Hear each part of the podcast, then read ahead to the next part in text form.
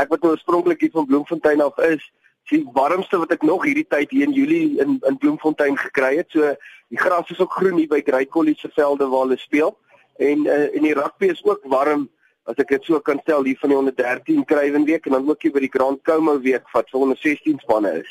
Ek wil tog sê as 'n bietjie praat oor die talent, wil ons natuurlik seker maak die keerderstelsel is perfek. Verduidelik bietjie vir ons hoe hulle hierdie keer gaan keer kyk die manne wat op die keerpaneel van uh, eh, SA Rugby is van die skoolkomitee en die manne van uh, SARU wat help met die kering.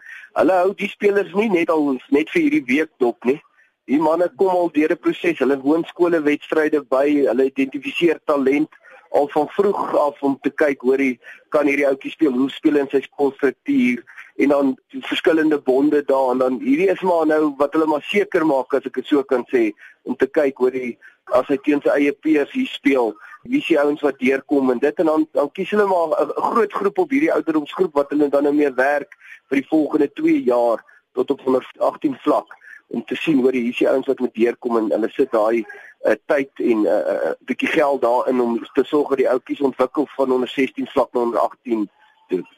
Hannes as so kyk na die pool spelers wat jy het, is daar heelwat spelers van kleur in die Kruimen week. Ek dink so wat 65% van um, julle pool is omtrent spelers van kleur.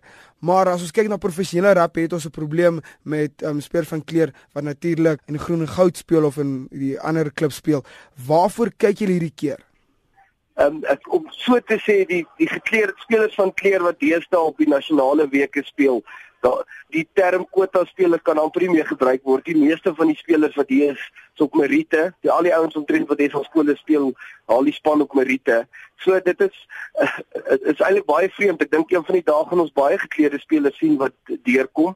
Die afgelope paar jaar by die jeugweke wat wat Saru aanbied, is daar heelwat spelers van kleur wat deurkom wat talent is en wat goed ontwikkel is wat wat nie agterstand het op ontwikkeling en die ouens wat deurkom eh, is is is, is baie beter gekleurde spelers wat ons gaan sien in die volgende paar jaar wat deurkom spelers ons sien al klaar Damian Willemse en Cowan Bosch wat al op super rugby vlak 'n jaar, 2 jaar na skool kan speel. So die die ouetjies begin al meer gekondisioneer word. Nie dis nie net meer dat mense kan sê die wit spelers gekondisioneer en die in die gekleurde spelers is dalk nie op daai vlak nie. Ek dink die die ouetjies het begin opvang en uh daar's definitief nie meer gevalle dit uh uh, uh die ouens dit nie op Merite maak die ouens wat deurkom nie.